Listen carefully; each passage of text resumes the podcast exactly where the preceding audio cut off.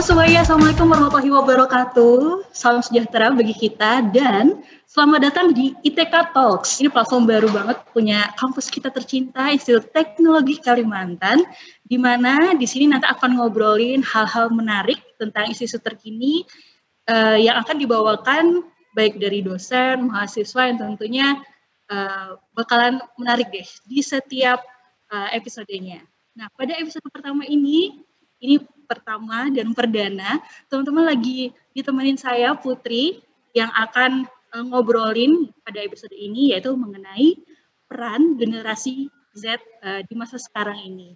Tapi nggak enak dong ya kalau saya tuh ngomongnya sendiri. Maka dari itu sekarang tuh saya udah ada uh, bersama salah satu dosen dari ITK yaitu dari Prodi Teknik Kelautan yaitu ada Ibu Rima. Tapi uh, biar akrab gitu ya Mbak Rim ya.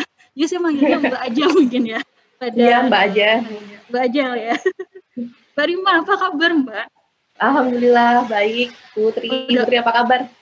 Baik baik banget. Aduh udah lama banget nggak ketemu. Terus ya. uh, kita masih dalam kondisi pandemi, tapi emang di kondisi pandemi seperti ini stay safe itu emang jadi hal utama gitu ya. Mbak ya, betul. sebelum kita ngobrol lebih lanjut tentang obrolan kita pada ya, hari hari yang cerah tapi agak mendung sih di balik papan sekarang. Mungkin Mbak Rima uh, boleh dong uh, perkenalan dulu ke teman-teman. Mbak Rima ini hmm. siapakah? Silakan Mbak Rima. Oke, makasih Putri. Jadi ini edisi pertama ya ITK Talks ya. Uh, kebetulan aku nih lagi di jauh ya nggak lagi nggak di Kalimantan lagi di Kepulauan Riau dan di sini lagi mendung-mendung menggoda tiap hari gerimis. Jadi um, oke okay, sebelumnya perkenalin uh, teman-teman semua pendengar ITK Talks edisi perdana ya dari ITK. Uh, saya Rima Gusiana Harahap saat ini menjabat sebagai koordinator program studi untuk program studi teknik kelautan, salah satu program studi yang uh, cukup muda ya di ITK dibanding program studi lainnya. Terus uh, ya sekarang lagi di kampung halaman kebetulan sedang di perbatasan Indonesia, Singapura dan Malaysia. Oh, jauh. jauh banget.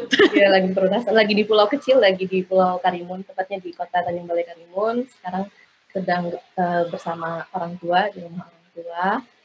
Um, udah lama juga nih nggak ke kampus, cukup kangen ya dengan suasana ITK udah kayak apa sekarang ya um, jadi dosen di ITK kurang lebih dua tahun ya, baru dua tahunan jadi dosen dan ITK itu pengalaman pertama saya menjadi pengajar ya di ITK jadi dosen. Sebelumnya sih um, sempat berkarir sehabis lulus dari S1, S1-nya kebetulan di Teknik Kelautan ITS sama kayak Putri ya. Uh, setelah lulus alma mater kita. Iya, alma mater koi. Jadi uh, lulus S1, alhamdulillah langsung kerja waktu itu di salah satu multinational company juga di tempat saya di uh, Tanjung Balai Karimun, uh, namanya PT Saipem Indonesia, salah satu perusahaan yang bergerak di, bergerak di bidang uh, engineering, procurement, construction dan, dan installation ya, EPCI di bidang offshore engineering. Um, sempat sekitar dua tahunan kerja, akhirnya memutuskan untuk lanjut studi S2, kembali lagi jadi kakak kelasnya Putri waktu itu di uh, teknologi kelautannya ITS. Lalu lulus dari sana, sempat ikut bekerja juga di pemerintahan, tepatnya di Kementerian Desa, Pembangunan Daerah Tertinggal, dan Transmigrasi.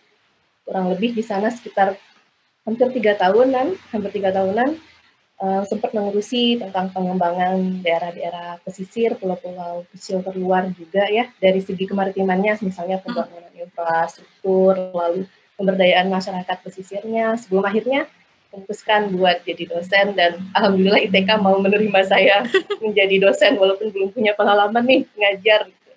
Jadi ITK tempat belajar pertama saya jadi dosen. Kalau gitu, gitu kalau nggak gitu nggak ketemu aku lagi kali Mbak. Iya. Ketemunya cuma lewat IG ya. iya itu makanya. lewat Instagram. Kayak flashback, oh udah lama juga ya nggak ketemu iya, Mbak ketemu lagi. Rima. Iya dan alhamdulillah di TK akhirnya kayak reunian ya. Jadi ketemu juga sama teman-teman yang dulu mungkin di ITS sempat ketemu sempat bareng, tapi hmm. akhirnya pisah dengan kesibukan dan kerjaan masing-masing ya di TK ketemu lagi hmm. barengan lagi sama teman-teman dari ITS. Oke, okay. Mbak uh, ngomong-ngomong zaman kita nih ya, sebenarnya kita tuh angkatannya apa sih milenial kali ya? Kita tuh generasi milenial ya hitungannya ya? Iyalah milenial. Oh, ya. milenial ya. Kita kita belum generasi Z ya, kita satu generasi di atas uh, generasi Z. Di mana sebenarnya pada saat itu Mbak ngerasa sih kalau ngerasa nggak sih kalau aku sih ngerasa bahwasanya uh, informasi itu sudah cukup mudah uh, didapatkan tapi kayak masih harus butuh uh, a bit effort gitu loh untuk mendapatkan informasi itu.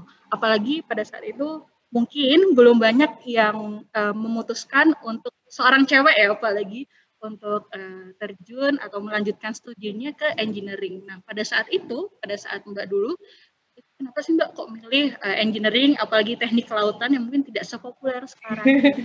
ya kan? Iya. Yeah. Uh, untuk uh, apa ya istilahnya untuk uh, ya menentukan uh, sebagai uh, studinya pada saat itu. Iya. Ya kita masih uh, satu generasi ya di atas generasi sekarang dulu ya. Yeah. Dulu itu, saya ingat-ingat sebentar dulu gimana ya saya milih kuliah ya. milih kuliah di teknik kelautan ini. Hmm, jujur mungkin ya saya termasuk salah satu yang uh, berkecimpung tanpa sadar gitu ya hmm. Tiba-tiba masuk oh enggak ya. Jadi pada saat itu memang uh, kita ditawarkan sih waktu itu. Jadi karena memang uh, daerah saya kan daerah kepulauan ya tinggalnya di daerah kepulauan. Terus jadi dari pemerintah daerah itu waktu itu menawarkan kepada kami gitu gitu jadi memang saya nggak dapat informasinya. Seperti sekarang kan dapat informasi bisa dicari sendiri ya via media sosial, website, YouTube dan banyak hal lainnya. Dulu zaman zaman kita dulu ya Putri mungkin uh-huh. paling banter apa ya Facebook juga belum ada ya Friendster paling ya. Dari senior ya, nggak ya, sih Mbak? Iya, bukan juga bukan dari senior. Jadi oh, memang ya? murni murni uh, inisiatif dari pemerintah daerah sih waktu jadi pemerintah daerah uh-huh. yang membuka kerjasama ke banyak waktu itu ya beberapa kampus di uh, Jawa gitu jadi nggak hanya ITK ITK hanya salah satunya jadi dari pemerintah yang memang menawarkan jadi dari atas ya. Dari pemerintah yang memang menawarkan kepada para siswa para pelajar pada saat itu siapa yang berminat nih untuk melanjutkan jenjang di bidang ini? Jadi bidangnya udah ditentuin waktu itu di bidang oh, uh, kemaritiman gitu uh, di kampusnya kampus eh, sebenarnya ada bidang lain tapi di kampus yang lain ya. Pada hmm. saat itu saya cuman ya grab all possible chance aja. Jadi ada ada peluang ya udah ambil gitu oh, ya. ambil ya. Walaupun pada saat itu masih mempersiapkan SB SBMPTN gitu ya. Tapi begitu ada tawaran ini ya udah ikut daftar.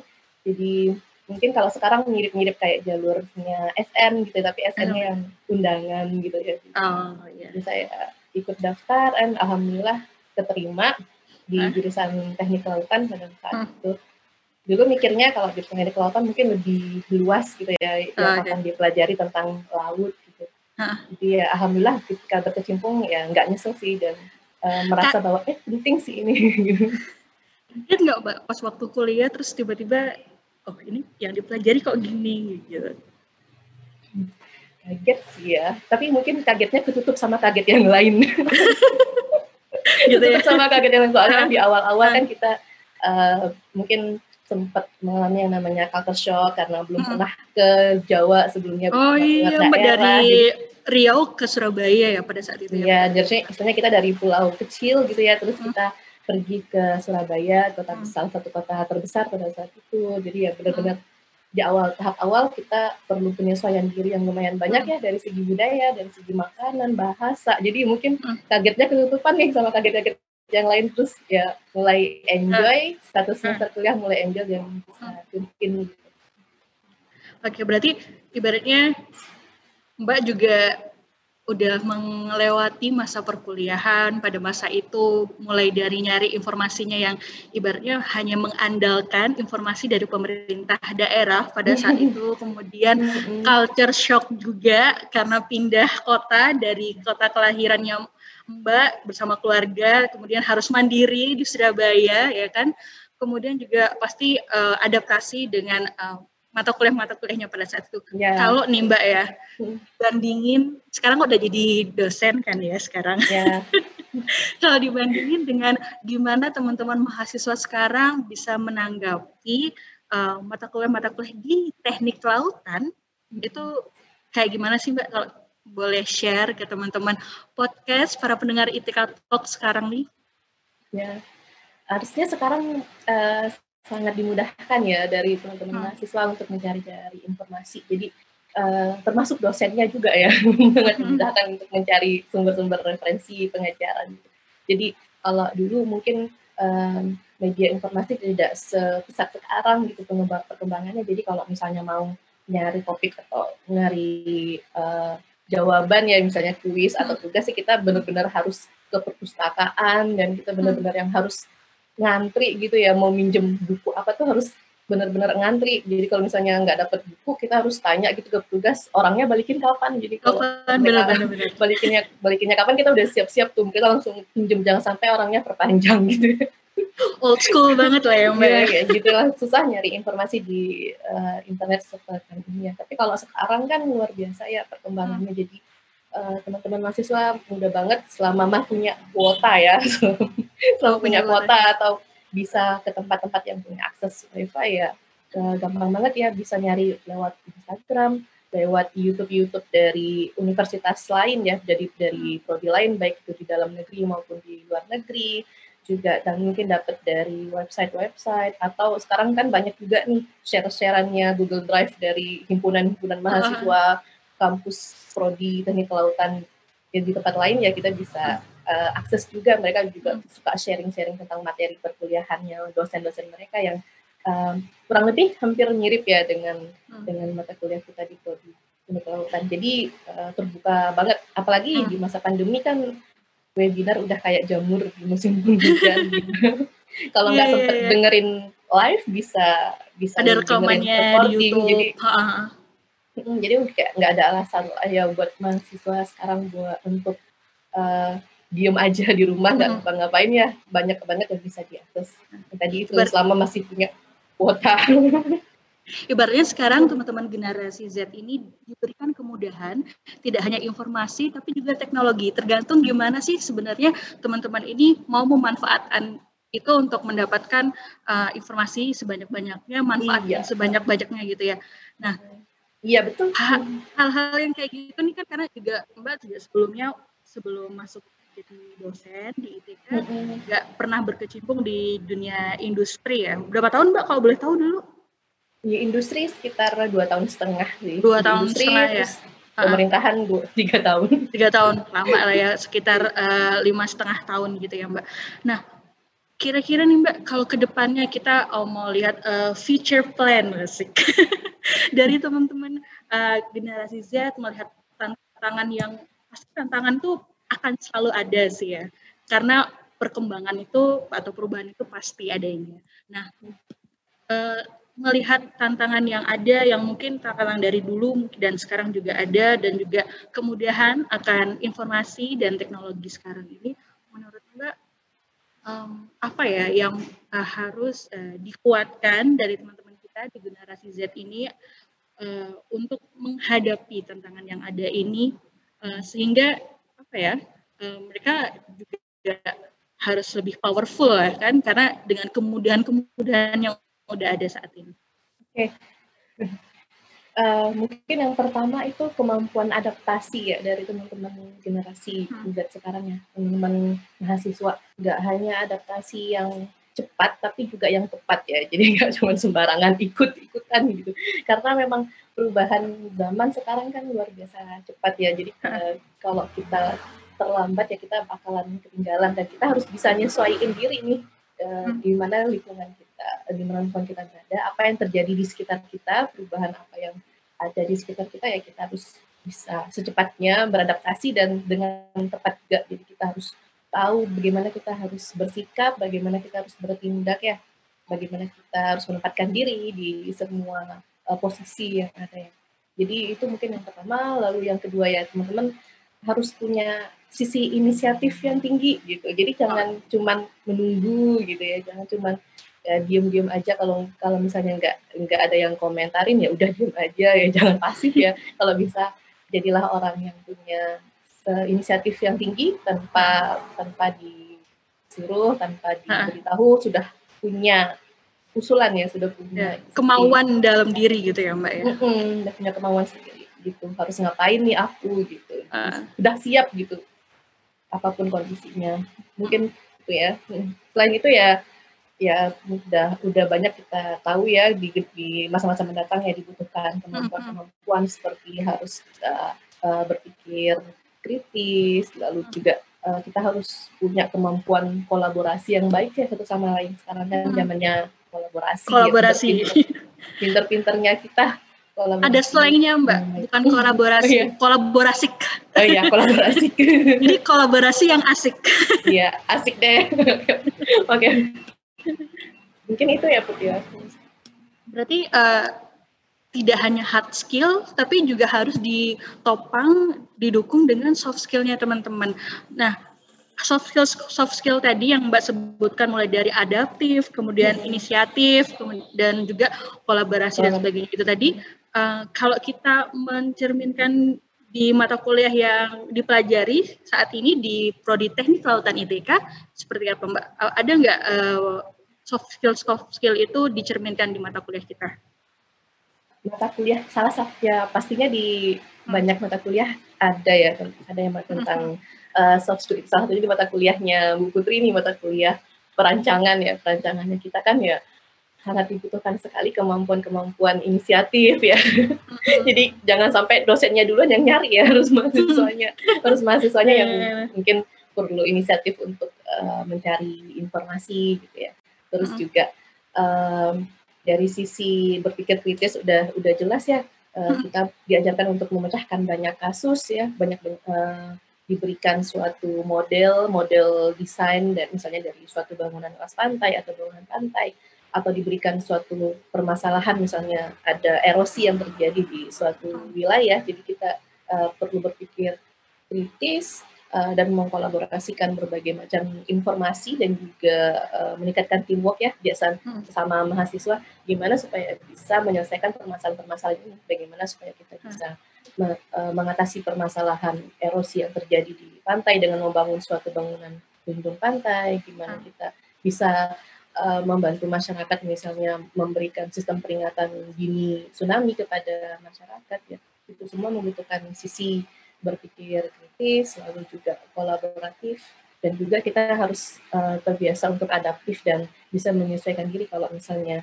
ada perubahan-perubahan dari uh, penugasan yang dikasih oleh dosen-dosen. Iya. Jadi ibaratnya walaupun sekarang generasinya nggak sekarang juga ke depan-depannya generasi pasti akan uh, terus berubah, teknologi semakin canggih, informasi yang didapat akan semakin cepat, lalu juga um, pasti kita akan harus terpacu terus untuk adaptasi, adaptasi dan adaptasi lagi.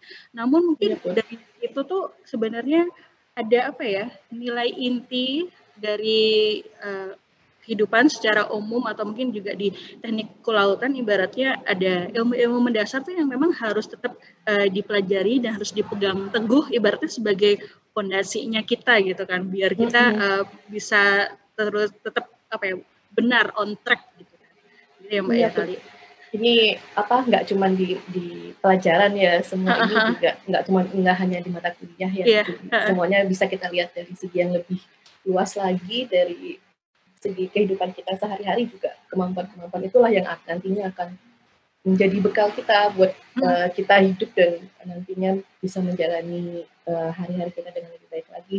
Kita bisa uh, apa menempatkan diri di mana pun kita berada. Kita bisa uh, disukai oleh semua orang ya dengan sifat-sifat yang seperti itu dan juga kita bakalan bermanfaat juga bagi semuanya, bagi lingkungan, bagi keluarga, bagi negara juga. Ya semuanya harus dipersiapkan. Mungkin mata kuliah-mata kuliah itu hanya sarana ya, hanya sarana bagi teman-teman mahasiswa untuk bisa ngembangin diri, ngembangin diri, ngembangin kemampuan berpikir, mengasah apa, mengasah kemampuan uh, diri ya, mengasah yeah. dan mengasah hati juga nih supaya lebih peka nih. Lebih peka ya, lebih tanggap terhadap isu-isu terkini yang ada di sekitar kita, yeah. Mbak. Um, ada pesan dan kesan nggak untuk teman-teman para pendengar ITK Talks uh, mengenai teknik kelautan atau mungkin um, hal-hal lain di luar sana yang perlu diperhatikan untuk para generasi Z saat ini? Ya, uh, pesan-pesannya ya untuk teman-teman sekarang um, uh, bareng sih. Kayaknya pesannya juga buat saya, buat Putri juga.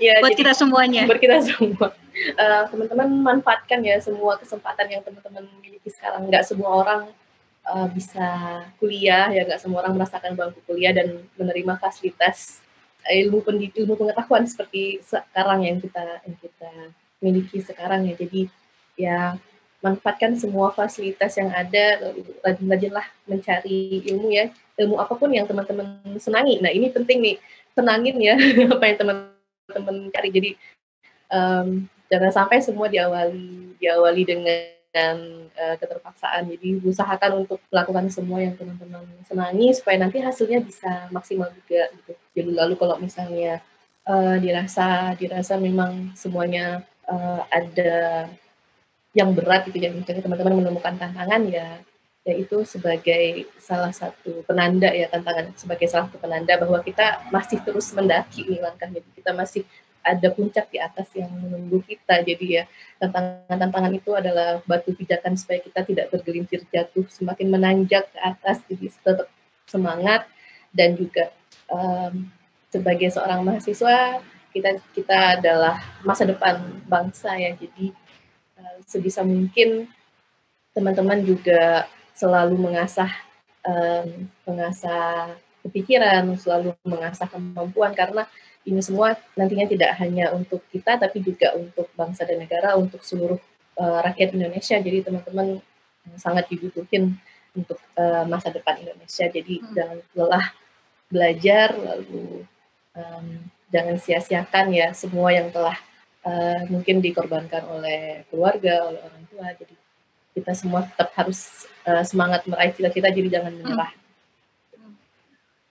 Saya tuh sebenarnya ini nih Mbak lagi teringat sebenarnya juga uh, dengan kondisi kita saat ini sebenarnya di kondisi pandemi, di mana dengan kita menyelamatkan atau menyiapkan diri kita, itu otomatis kayak sebenarnya kita uh, menyiapkan juga atau memberikan manfaat kepada orang lain. Dan yang seperti Mbak Rima katakan tadi, di mana kita harus bisa menyeimbangkan tidak hanya hard skill yang kita dapatkan saat kuliah, saat uh, apa uh, di kuliah kemudian belajar kayak itu, tapi juga kita harus mengasah soft skill kita.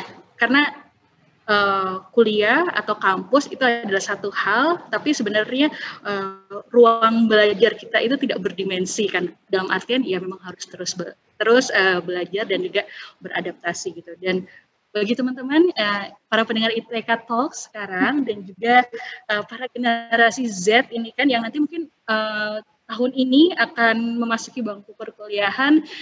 Tidak usah khawatir uh, selalu memanfaatkan kesempatan yang ada, kemudian selalu uh, meningkatkan potensi dan juga uh, adaptasi gitu ya, karena itu tadi generasi akan berubah, zaman akan berubah, tapi dengan teman-teman paham betul akan potensi dan juga posisi dari teman-teman itu di mana, itu pasti hmm. akan membantu ke depannya uh, bisa berjalan uh, dengan lebih baik lagi. Ya semoga juga semesta mengamini dan melancarkan. Amin. Semangat, gitu semangat, ya. semangat ya, semuanya. Semangat. Benar-benar. Oke teman-teman semuanya, para pendengar Etika Talks, uh, demikian episode perdana kita bersama Mbak Rima dari program Kelautan Etika. Semoga apa yang kita obrolin nih pada uh, siang hari saat ini uh, lagi uh, setia, jadi uh, semoga bermanfaat dan apabila teman-teman semua ingin uh, mengetahui lebih detail tentang ITK, silakan langsung follow Instagramnya ITK di @itkofficial atau bisa juga kalau yang mau tahu lebih detail lagi tentang teknik kelautan itu seperti apa, dosennya itu nanti yang mengajar kayak apa sih. Nah itu bisa juga teman-teman berkunjung ke uh, Instagram kami di at oe underscore itk atau juga bisa uh, ke website kami di oe.itk.ac.id. Semoga apa yang kita sampaikan sekali lagi bermanfaat dan mohon maaf ya. apabila ada kata-kata yang kurang berkenan. Dan sampai jumpa di episode Itika Talks selanjutnya. Saya Kiri, wassalamualaikum warahmatullahi wabarakatuh. Sampai jumpa.